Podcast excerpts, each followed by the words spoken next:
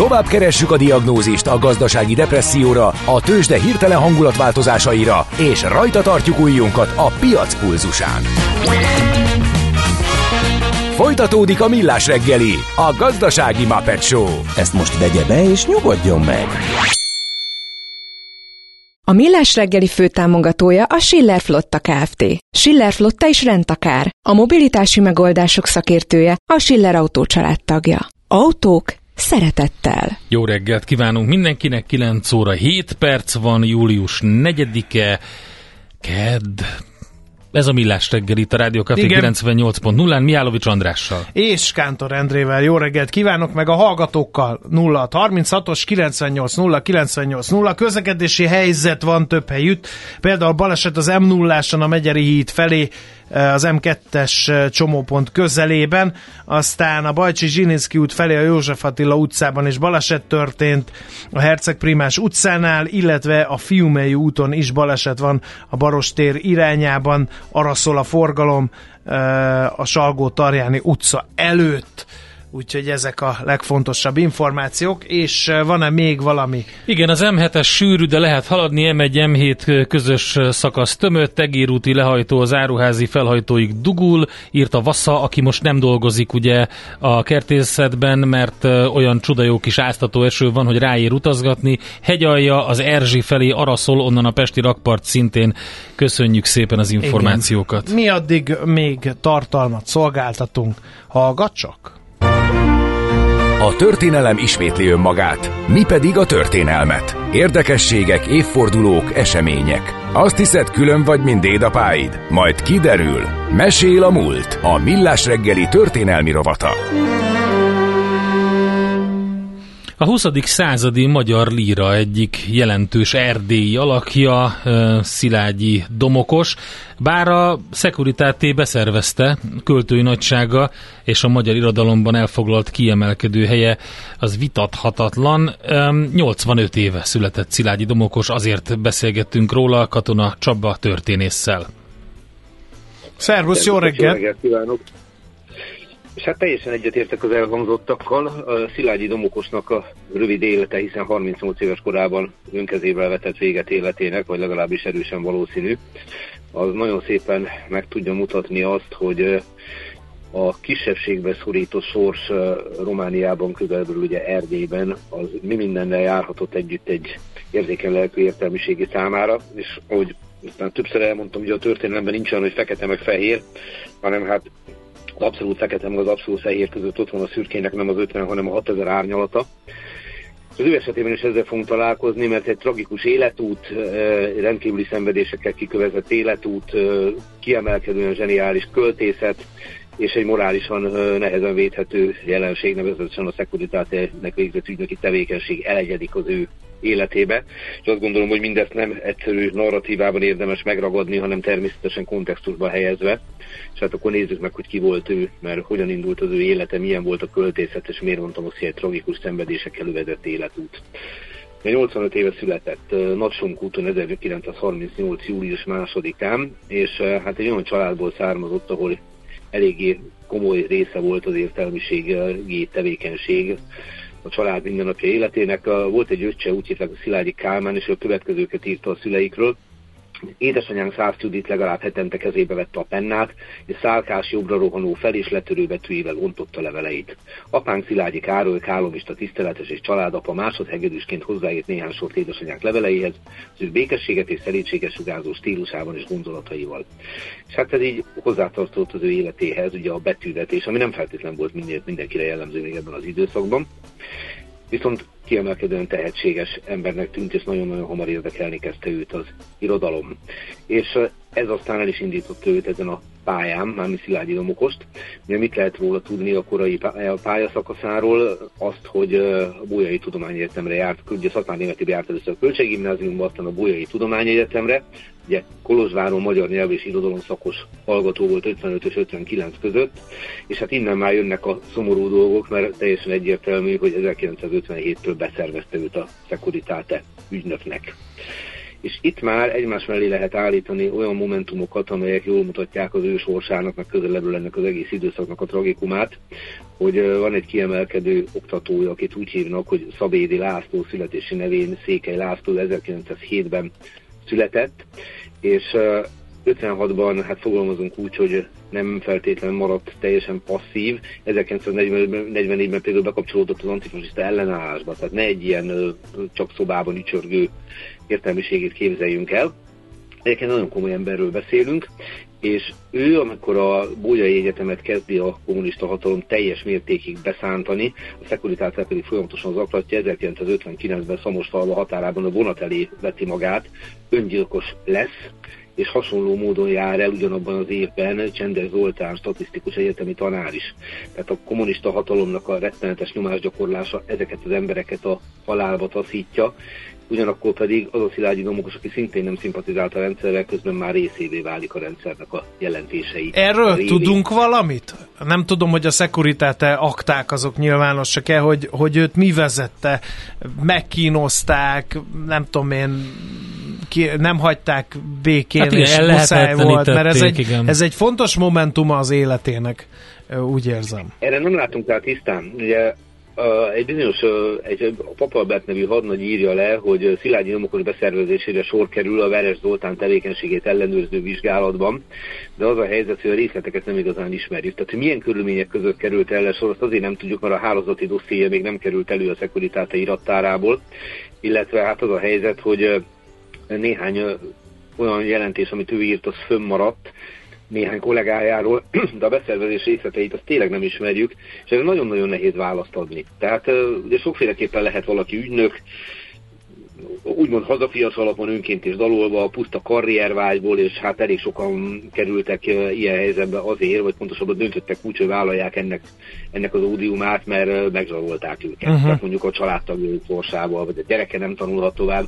Tehát Szilágyi Domokos ebben az időben nagyon fiatal, úgyhogy, úgyhogy ki tudja. Tehát gondoljunk bele, 38-ban született, és 57 és 59 között bizonyítottan ügynökként tevékenykedett. És hát mindezt úgy, hogy közben azért elindul a karrierje, befejezi az egyetemet, dolgozik az igazszónál, aztán a bukaresti előrénél, és igazából meg fel tudja tartani magát az írásaiból, a honoráriumaiból, ami hát nem feltétlenül adatot meg ugye minden értelmiségének. És Mindeközben ki tudja, hogy minek a hatására azért az élete is tragikusan alapul, feleségül veszi élete nagy szerelmét, Hervai Gizellát. Hervai Gizella pár évvel fiatalabb, idősebb nála, 1934-ben született, ő Makón látta meg a napvilágot, de ő is Erdélyben éli az életét, Bójai Tudományegyetemre jár, és ebből a hatalmas szerelemből születik egy gyermek, Szilágyi Attila, akik Kobaknak neveznek ők maguk, és Kobak megjelenik a költészetben is. Tehát ő, ő, ő, ő egyik eleme, egyik alakja egyemek mellett Hervai Gabriella, költ, Hervai Gizella költészetének. Ugyanakkor azonban az állandó rettenetes feszültség, ami megvan köztük, az a kölcsönös feszültség, ez egy idő után válláshoz vezet, és hát az még hagyján, hogy ide vezet, hanem rettenetes csapások érik őket sorban, majd mindjárt elmondom, hogy mire Bocsánat, gondolok. Csaba, mire, mi, mi, miből alakult ki ez a feszültség? Mert hogyha ha élete nagy szerelme volt, akkor azt nem viszonozta ugyanúgy a hölgy, vagy mi történt? Lehet tudni? Abszolút mértékig, abszolút mértékig viszonozta. Itt valószínűleg inkább arról van szó, hogy hogy ez, ez a két rendkívüli egyéniség abban a szorításban, amit a 70-es évek erdélyi valósága hozott két gondolkodó érzékeny értelmiségének, ugye feszültséggel töltötte meg a mindennapjaikat, de ki tudja, hogy ebbe szerepet játszott-e esetleg az a dolog, hogy, hogy tudtak esetleg a Szilágyinak a ügynök múltjáról, szóval ezt nagyon nehéz, nagyon nehéz előszedni. Én hadd példázom azt, hogy mit jelentett számukra ez a kapcsolat. Van egy vers, amit nem biztos, hogy hozzáírt Szilágyi Domokos, de akár hozzáírta, akár nem jól megragasztható benne a lényeg. Ez így hangzik, hogy Ráztál is, mint csörgőt a gyermek, óvtál, mint anya a fiát. Bűn volt az is, ha megölellek, bűn volt távolról nézni rád, táncoltam én is, és te is, sírtál értem, s miattad is. Szemünkben zöldelt a harag, még egyszer rajta kaptalak, hogy szeret. S én tetten értem pirultam el. Azóta értem, hogy kettőnk kölcsönös dühe nem fog elmúlni sohasem. Szerintem az a kettőség, ez a híjanász az avarom jelleg, ez itt, ez itt tökéletesen megragadható, és egy percig se felejtsük el, hogy Hervai Gizella kiemelkedő költő volt, és neki is van egy olyan verse, és majd rátérünk az ő sorsára is, ami azt gondolom, hogy sok mindent elmond erről a viszonyról. Az a címe, hogy te vagy az élő, én a holt, a címe utolsó levél Szilágyi Domokosnak, és így hangzik, távirányított szívveréssel megtérek hozzád, visszahaló csontodba. Jöjjön az éjjel, sorsod akartam folytatni. Látod idehaza is úgy, mint otthon árvák vagyunk. Adi szemében Adi árvái, nincs már otthon. Adi árvái megtérünk, mind lábnyomodban, holtunkban élők, versben bújtosók valahányan meghalni, haza-haza térők. Szóval ez a kapcsolat, ez valószínűleg egy nagyon két rendkívül intelligens, rendkívül nehéz sorsot elszenvedett embernek egymás maró, de egymás támogató kapcsolata is volt. És hát azt ki lehet találni talán abból is, amit elmondtam, hogy itt kevés olyan dolgot lehet megemlíteni, hogy a pozitív vég felé vinne el minket, és valóban nem. Szilágyi Domokos nagy valószínűséggel önközével vetett véget életének. Ez már a bevezetődben megütötte a fülemet. Mi az, hogy nagy valószínűséggel lesz? Mi történt? Mit lehet Azért, tudni a halálának körülbelül?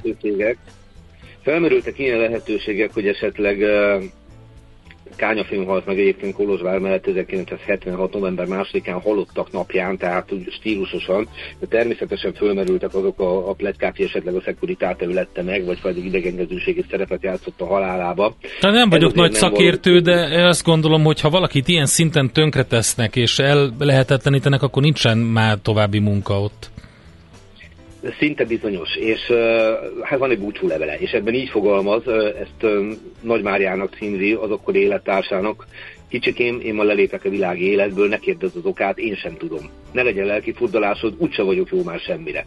Amit az utóbbi hetek bizonyították, ma már tudom leveri a dolog, de nincs más választásom, nem vagyok részeg, és tiszta elmével írom a sorokat. És ír egy végrendeletet, és Nagy Máriára testál mindent, illetve a fiára, Kobakra, és így ér véget idő előtt, nagyon-nagyon idő előtt Szilágyi Domokosnak a pályafutása. Az ő életüknek a tragikuma pedig az, hogy minek utána Szilágyi Domokos véget vetett az életének, ezt követően meghal a fia, Kobak. Kobak a 1977-es nagy bukaresti földrengés egyik áldozata lesz, és a felesége Hervai Gizella pedig ennek az egésznek a ennek az egész tragikus esemény sorozatnak a nyomását 1982-ig bírja, és akkor ő is öngyilkos lesz. Akkor ő is öngyilkos lesz, és talán-talán az embernek okoz egy nem is tudom, egy pici elégtételt érezhetünk, ha azt láthatjuk, ha elmegyünk a híres nevezetes és gyönyörű Kolozsvári Házsongárdi temetőbe, ott egyetlen sírtőben nyugszanak hárman, Szilágyi Domokos, Szilágyi Attila és Hervai Gizella, tehát az apa, a fia és az anya.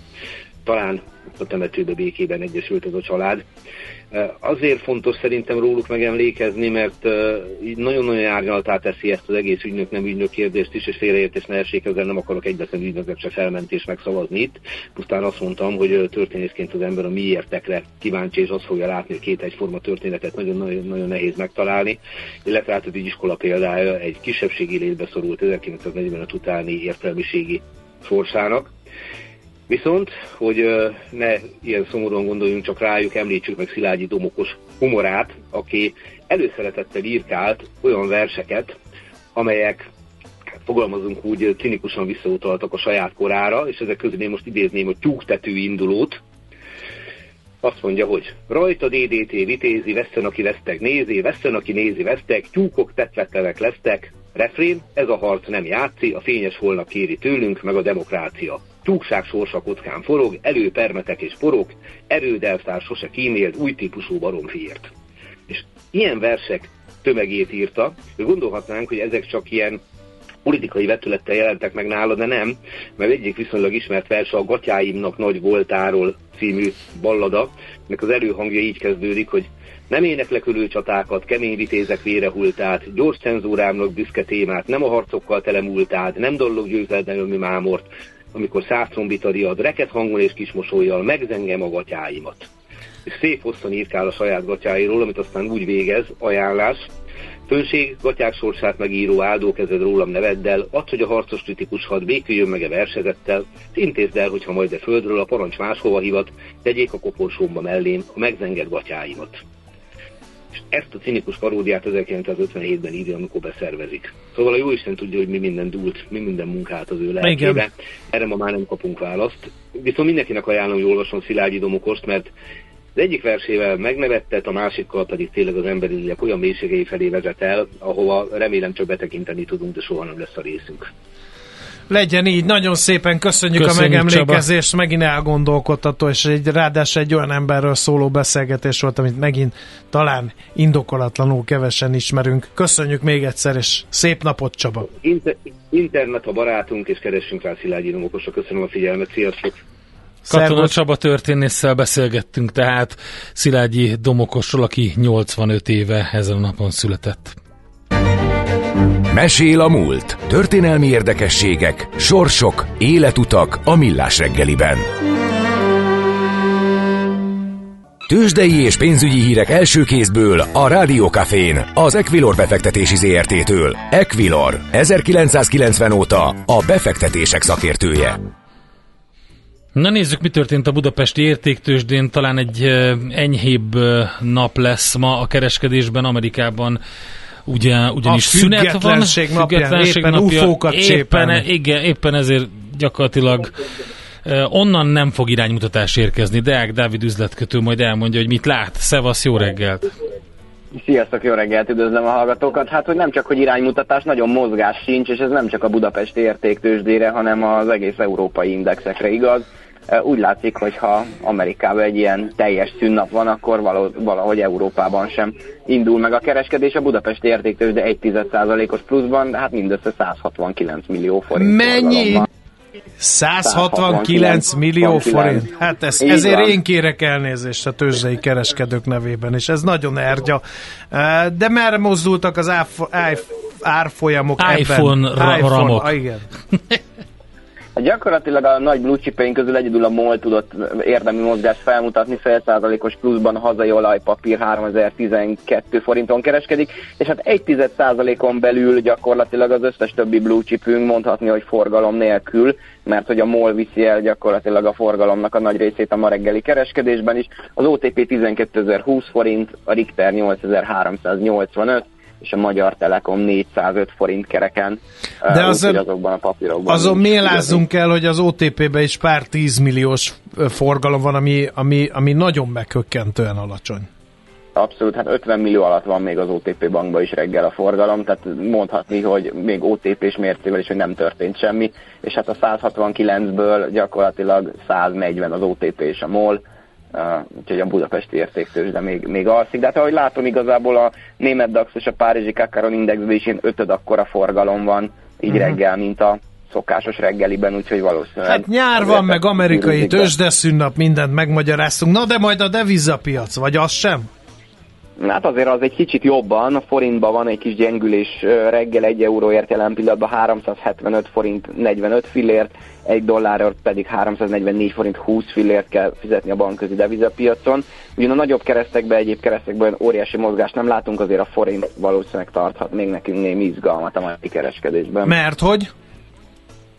Valami Lehet, hír lesz esetleg? Legalább. Ja, legalább hír, mozgás. Hír, nem lesz Aha. makroadat, nincs, viszont azért úgy látszik, hogy a tegnap reggel elinduló gyengülő trend az még a mai napig is, mai nap is kitart. Ugye ma is egyébként folyamatosan ö, gyengülő, igaz, nagyon lassan és picit gyengülő trendet mutat ö, a forint a főbb devizákkal ö, szemben, ö, és nem tartom kizártnak, hogy olyan óriási plusz mozgás nem lesz, de hogy ez a trend kitarthat a nap végéig. És majd, hát igazából Magyarországon pénteken lesz az inflációs adat, addig olyan óriási forint mozgató híre adatra nem várunk. Oké, okay, hagyjunk békén passziánszozni. Nem nyaggatlak tovább. Köszönjük szépen az információt. Köszi szépen. Szép napot, szia! Deák Dávid üzletkötővel nyitottunk tőzsdét, már ha lett volna mit megnyitni. Tőzsdei és pénzügyi híreket hallottatok a Rádiókafén az Equilor befektetési ZRT-től. Equilor, 1990 óta a befektetések szakértője. A kultúra, befektetés önmagunkba, a hozam, előrevívő gondolatok, könyv, film, színház, kiállítás, műtárgy, zene. Ha a bankszámlád mellett a lelked és szürke állományod is építeni szeretnéd. Kultmogul. A millás reggeli műfajokon és zsánereken átívelő kulturális hozamgeneráló rovata következik.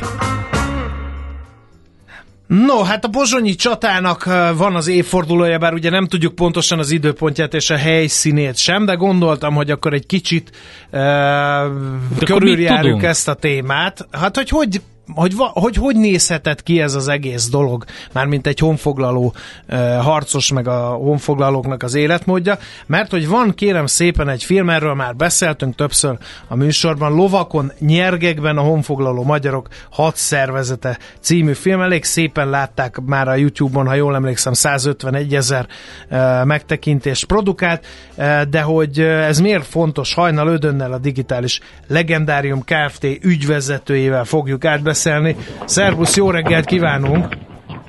Szervusz, jó reggelt! No, először is mit kell tudni a digitális legendáriumról? Micsoda ez a szerveződés? Hát ez egy animációs filmeket és különböző múzeumi kiállítási anyagokat, vagy akár könyveket, nyomtatványokat készítő cég.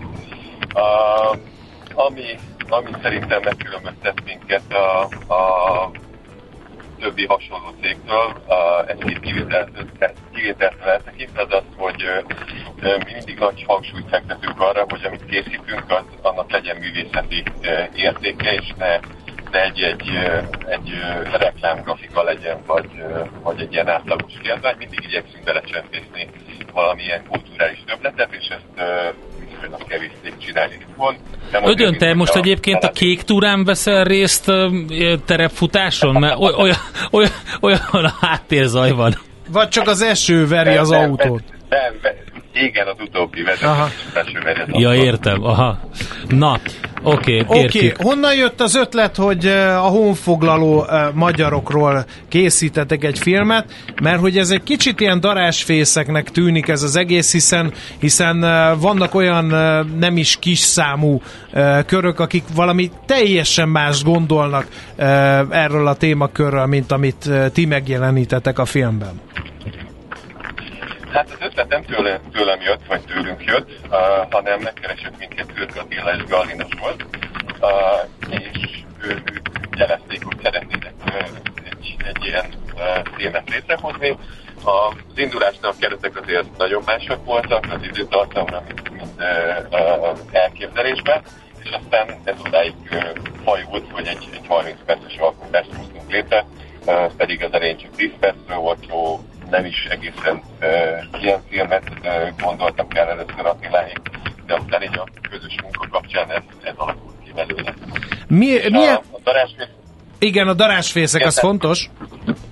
Igen, tehát hogy ezzel kapcsolatban meg én teljesen nyugodtan hátradőltem, mert a, az említett urak, illetve még a szakértők, akik becsatlakoztak a projektbe, azok olyan tudományos hátteret biztosítottak, hogy engem őszintén szóval innentől kezdve nem nagyon érdekelt, hogy különböző valós vagy most csinálta magukat mindent gondoló emberek mit gondolnak erről majd, majd erről a filmről, hanem pont ellenkezőleg ennek a filmnek az is volt a célja, hogy összefoglalja mindazt, amit jelenleg az elmúlt 30 év kutatási eredményei alapján tudunk erről a témáról.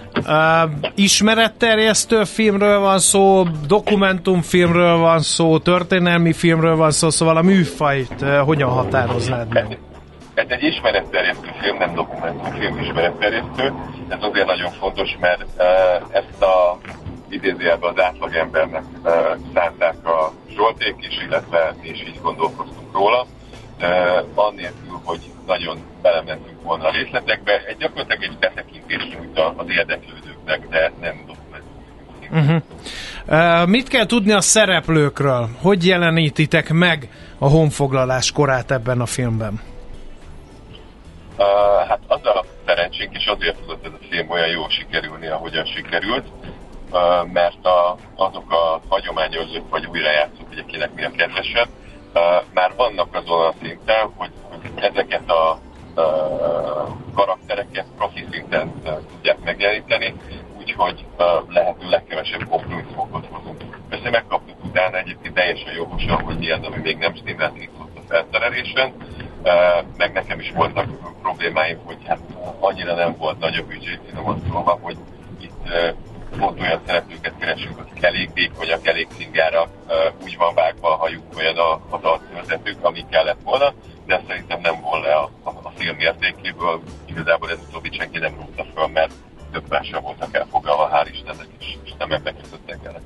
Egy rendkívül komplex megközelítés szerepel a filmben, aki látta ezt pontosan tudja, tehát hogy a kézműves ipartól kezdve a felszerelésekig, az életmód rekonstrukciókon keresztül a hadszervezet és a hadmozdulatok leírásához nagyon-nagyon sok minden témát érintetek, és ráadásul mindez egy félórás filmben van összefoglalva. Mennyire volt nehéz ezeket a dolgokat így egymás mellé rakni, hogy, hogy nem egyet ragadtatok ki, és annak szántatok fél órát?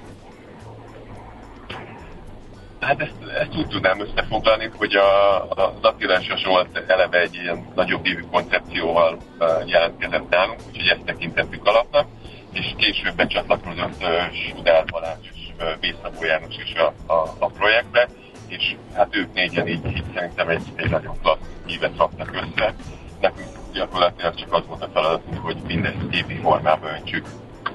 Ilyen szempontból. Hogyan sikerült ez, a, ez az egész produkció? Hogy látod, már nem is tudom mikor jelent meg e, egészen pontosan a YouTube-on, de én olyan 150 ezer e, közötti megtekintést Igen. látok. Elégedettek vagytok ezzel?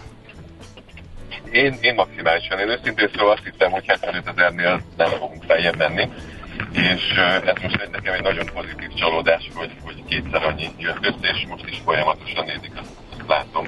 Illetve, hogy a, a külföldi verziók is nagyon jól futnak ahhoz képest, hogy innen Magyarországon tettük fel. No, csak vannak külföldi verziók is. Azok azoknak az elkészítése mellett miért döntöttetek? És milyen külföldi verziók vannak? Ez talán még érdekes lehet. Van egy angol nyelvű verzió, és van egy orosz nyelvű. Azért döntöttük így, mert az, hogy mi örülünk magunknak, és csinálunk magunkról egy filmet, ez egy dolog, de a kül- külföldi érdeklődők mindebből semmit nem tudnak érzékelni, hogyha, hogyha nem az ő nyelvükünk szólunk, szólunk, hozzá, szólunk hozzájuk, vagy egy közvetítő nyelven, ez az angol és az, az orosz. És a, itt uh, szeretném azt kiemelni, hogy eleve abba gondolkodtunk, hogy szinkronos filmet és minden feliratos és minden mást uh, átírunk az adott uh, nyelvre, mert uh, egyébként nem tudnak úgy élvezni a külföldiek a filmet, mert állandóan a feliratot kéne nézni, hogy mi micsoda, aztán amikor a, a filmet szereplő térképeken vagy egyéb feliratokon elméráznak, hogy ez most miért van magyarul, akkor az teljesen kiveszi őket az élményből. Uh-huh. És a kérdésedre válaszolva, az orosz nyelv azért készült el, mert a, a közép-ázsiai térségben az oroszok közvetítő nyelv még mindig, és ugye ott például a kazakok, kirgizek, stb., akik, akik szintén érdeklődéssel fordulnak az ilyen témák irányára. No, akkor a, ilyenkor a kötelező riporteri kérdés, mit hoz a jövő? Folytatása következik -e ennek a dolognak, vagy teljesen más területekre kalandoztok a jövőben? Abszolút tervezzük a folytatást, jelenleg éppen a forrásszerzés időszakát éljük, megpróbálunk pénzt keríteni a folytatásra. Ez nem régen kezdődött el, mert össze kellett ugye rakni egy, egy olyan anyagot, egy olyan hátteret, ki kell találni a forgatókönyvet, hogy miről szeretnénk, ami ezért időt vesz igénybe, hogy ne egy összecsapott dolog legyen, és hogyha már a koncepció összeállt, akkor valószínűleg könnyebb pénzt szerezni erre, mint hogyha csak odállunk, hogy figyeljetek, van egy tök jó ötletünk, és mi azt hát nem tudjuk meg, de nagyon jó lesz. A téma az marad a honfoglalás? Nem, elő, előrébb lépünk 50 évet, és Szent István korába szeretnénk elvinni a nézőket. Na, hát akkor erről ennyit, és ha már szóba kerültek a források, mi meg gazdasági műsor vagyunk, akkor a, az utolsó kérdés legyen az, hogy milyen forrásokból működik a digitális legendárium, miből valósítjátok meg ezeket a projekteket? Hát mi alapvetően megrendelésre dolgozunk, néha vannak öne, saját erőből létrehozott produkcióink is, most is dolgozunk egy ilyenen, de általában úgy megy, hogy minket megkeresnek, hogy csináljuk meg ezt, vagy azt, vagy azt a filmet, vagy esetleg a kiállításnak az arculatát, vagy egy könyvet. Uh-huh. Ez mindig változik. Oké, okay, hát akkor sok sikert az ilyen és ehhez hasonló e, kitűnő projektekhez, és szép napot neked az eső ellenére, meg jó utat továbbra is. Köszönöm szépen, nektek is további szép napot kívánok. Köszönjük szépen, szervusz! Szervusz! Hajnal Ödönnel beszélgettünk az elmúlt percekben, a digitális legendárium Kft. ügyvezetője, ő, és aki még nem tette, nézze meg Lovakon, Nyergekben a honfoglaló magyarok hadszervezete. Komoly a cím, de tényleg szórakoztató darabról van szó, csak ajánlani tudjuk mindenkinek. Remélem Endre már ötször megnézte. Még nem, de Eh, hát arcpirító. Most ezt bepó, Lehetek én evangelista, de senki Igen. nem lehet evangelista a saját Így hazájában. van, így van. A Millás reggeli műfajokon és zsánereken átívelő kulturális hozamgeneráló rovat hangzott el. Fektes be magadba, kulturálódj! No, hát... Hol a- vannak a lányok? Tesszük fel a, A zenészek. izgatottan, mert Nem hogy várjuk semmiről. a stúdióba Fehér Mariant, Maját, illetve természetesen várjuk a stúdióba Czoller Andit, és akkor tudunk velük diskurálni arról, hogy mi jön most. Én lehet, hogy szólok nekik, és Szóljál nekik, behívom, addig invitálom én, őket. Igen, addig én megint itt maradok gatyára vetkezve a bajban, beszéljél valamiről, majd megoldódik valahogy ez a történet. Szóval nem tudom, mi, mi mindent mondhatnék. Ilyen hozzászólások érkeztek az előző beszélgetéshez, hogy a beszélgetés távíró készüléken zajlik. Nem, csak esett az esés autóban ült az interjú alany, illetve e, már a házitról le is csapott e, a résre a pajzson, és megkérdezte, hogy mond valami, mondj valami jót, mondj valami vicceset, ilyenkor Nem e, sikerül. be van fürödve az Én egyszerű szóltam nekik, hogy gatyára vagy vetkezve, de nem biztos, hogy ez, Ez nem mozgatta moz, meg. megmozgatta őket, nem biztos, hogy motiváló volt. Jó, hát figyelj, akkor muzsikáljunk, köszönjük Szerinted? el, vagy mit csináljunk, hát Nem nem, tudok más kitalálni. Találjuk Endre. ki, hogy mi lesz a pont jókorban, mert hogy Nem ma ked van, ilyenkor De általában... nézd, Na, megvan, itt van, megérkezett, nem tudjuk ellopni.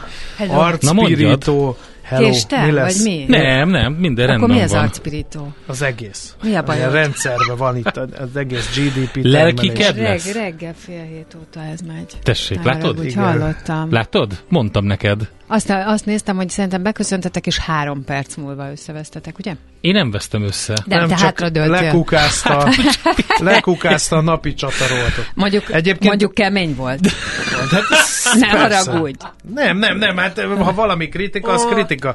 Figyelj, én megszavaztattam a hallgatókat erről, hogy melyik legyen, és kérlek szépen, van ebben a magyar hazában 25 olyan ember, 493-ból, aki, az, aki nem szerette volna ezt végig hall- hallgatni. Ami kemény volt, és igazságtalan. Nem, te figyelj, óriási ötlet volt szerintem a napi csatarovat. De elfáradt. Vagy ilyen Nem, részletességgel szerint, kitértek. szerintem volt, külön, nem. külön Nem hát robotot, még a nem használt tudtam. fegyverekről nem is Az a beszéltem, baj, és így az csinálta, és ez teljesen kinyírt mindenkit. Kell Azért neki ezt egy nem külön hely. gondolnám, hogy 9 kinyírt óra mindenkit, szerintem maga az ötlet tök jó 30-kor. volt. Ö, egy kicsit részletes volt talán, tehát azt hiszem, hogy igen, fogmosás, meg minden is meg volt közben. De Jó, örültem, em, én örültem, hogy hallak. Megpróbálom Mi lesz a műsorban? Ne ja, tereljük a lesz szót. egy műsor, igen. Igen, pont Lesz, jókor, mi lesz. lesz benne? Ö, igen. Lesz. Most elkezdtem gondolkodni, hogy mi lesz, mert, nem, mert papíros nem Olyan hoztam. kaotikus a stúdió, hogy közben Igen, Czoller Andi messz cserél. Kántor Endrével lassan, ott tartunk, tehát hogy az első Igen. órában Na, lesz a, ja, igen, lesz a söveggyártó áron, a, megvan nektek a fiú, aki elverseli másoknak a dalait? Igen, Igen. igen, igen, igen. Igen, ő. nagyon jó. Nagyon. A, a Nagyon szórakoztató Mennyország turistot lát, Hát az az, az járt az az nagy- letarolta, igen, igen, igen. Zseniális. De a Add át reptér, neki. reptér is. Négy tisztelet. A, A reptér abszolút. is. A reptér is Az előadásmód az zseniális. és az előadók Maga az is ötlet, ugye ez egy szeretik. régi ötlet, és ebben az a lényeg, hogy eh, hogy tud, hogy tud valaki egy teljesen, te, hogy tud valaki ilyen meggyőzően alakítani valamit ilyen jól. Hát meg az, hogyha meghallgatod, akkor ugye valahogy egészen más értelme lesz ezeknek a, a más dimenzióba kerül, mást hoz elő belőled, más gondolatot. Aztán a második órában pedig ugye a Bánkító Fesztiválról hívtam meg egy programszervezőt és egy színészt, és a fesztivál igazából nekem azért tetszik, mert hogy nagyon kimondja, hogy idén, amikor az infláció meg minden következtében az Mhm. embereknek igazából nincs talán arra pénze, hogy flancoljon, energiát pazaroljon, messziről ide reptetett zenészeket kifizessen, most ezt így mutatom idézőjelbe, szóval szeretnének egy olyan fesztivált, ami így élhető, meg mm, a fenntarthatóságra. ez Emberközeli. nyilván- Igen, igen, igen, és lesz egy darab, Akkor kis amiről, én, amiről én szerettem nem? volna beszélni, ez a, hogy a barátaim egyszer meg végighallgassanak, hogy a barátaim egyszer végighallgassanak, ez a címe, és arról szól, hogy a főhős elviszi egy túrára a függőségeit mutatom megint idézőjelbe, és akkor ott ö, ö, abból, tehát feltehetően ez a függőségeket mutatja meg, úgy, ahogy szeretnéd, hogy egyszer lássák, hogy te mit miért csinálsz. És igazából ennek, ami a, a háttere, és ami nekem nagyon tetszik, hogy Kárpáti Pál, aki itt is lesz, és uh, aki ezt az egészet játsza, tehát, hogy úgy készült az előadás, hogy ő elment egy tíznapos túrára, és a túráról úgy jött haza, hogy szembenézett egy alkohol problémával, és ebből lett az előadás. Tehát, hogy ez egy ilyen furcsa helyzet, mert előadás a függőségekről, de utána készült, miután ő egyáltalán szembenézett vele, hogy ez van.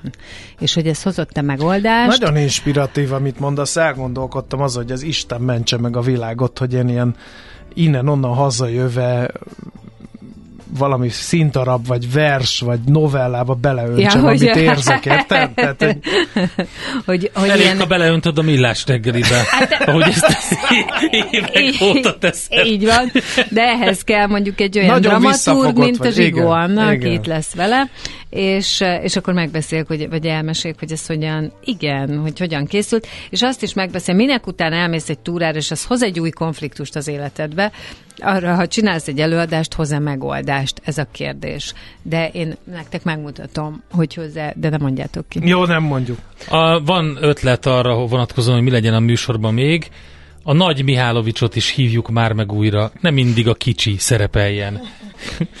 A Mihálovics családban nincsen kicsi. Ezt egy kulisszatitok. Ezt... Nincs ilyen. Jó, na, hát akkor eh, ez volt már a Millás reggeli. Köszönjük szépen kitartó eh, figyelmeteket és türelmeteket a hosszúra nyúlt napi csatához, bár itt vannak a Nagyon jó szektotagok, volt. akik védenek. És, Mindenki. És, A pozsonyi csata linkjét is Te láttad, láttad ezt a Vagy filmet? majd kérik a Ahol hallgatók, nem kaptuk lovakon meg. Majd nyergeken, elküldjük. nyergekben? Nézd meg kérlek, mert érdekel a véleményed. Jó. Tényleg tök laikusként, tök távolságtartóan nézd már meg, mert az Endre nem teszi meg nekem. Tehát De én megnézem. nézd meg, Indiánban van ma. Igen. Ja, igen, én ezt láttam már. Hát Ne- gondolom, hiszen... Készülök Nekem már- lelkiekben, már nem Nekem már vakságom van, nem látom ezeket. Igen. Na, köszönjük szépen. A GDP-ről én ma nem ejtenék szót, mert amihez hozzányúltam, az papír tigrissé változva lefolyt a Üzenj lefolyón. valamit úgyhogy, Nagy Márton miniszter úrnak, és akkor öm, ne lepődjön, ne tessék már ennyire meglepődni mindig. Igen, én nem merek üzenni Nagy Márton miniszter úrnak, mert Endre megteszi helyettem, mert ő nem vak, mert ő csak bátor. Köszönjük szépen a figyelmet. Nehéz ezt a műsort ma abba hagyni, de mégis kísérletet teszünk rá. Fehér Mariant hallgassátok olyan szeretettel, mint ahogy ő elővezette a témáit. Köszönjük a figyelmet. Holnap reggel ismét jövünk. Megint jövünk. Sziasztok!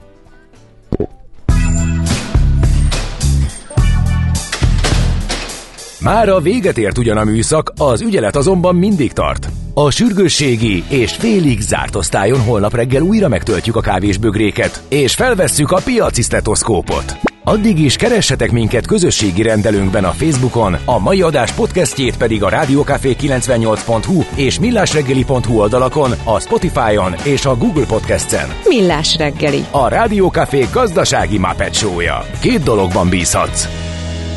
Az egyik mi vagyunk. A Millás reggeli főtámogatója a Schiller Flotta Kft.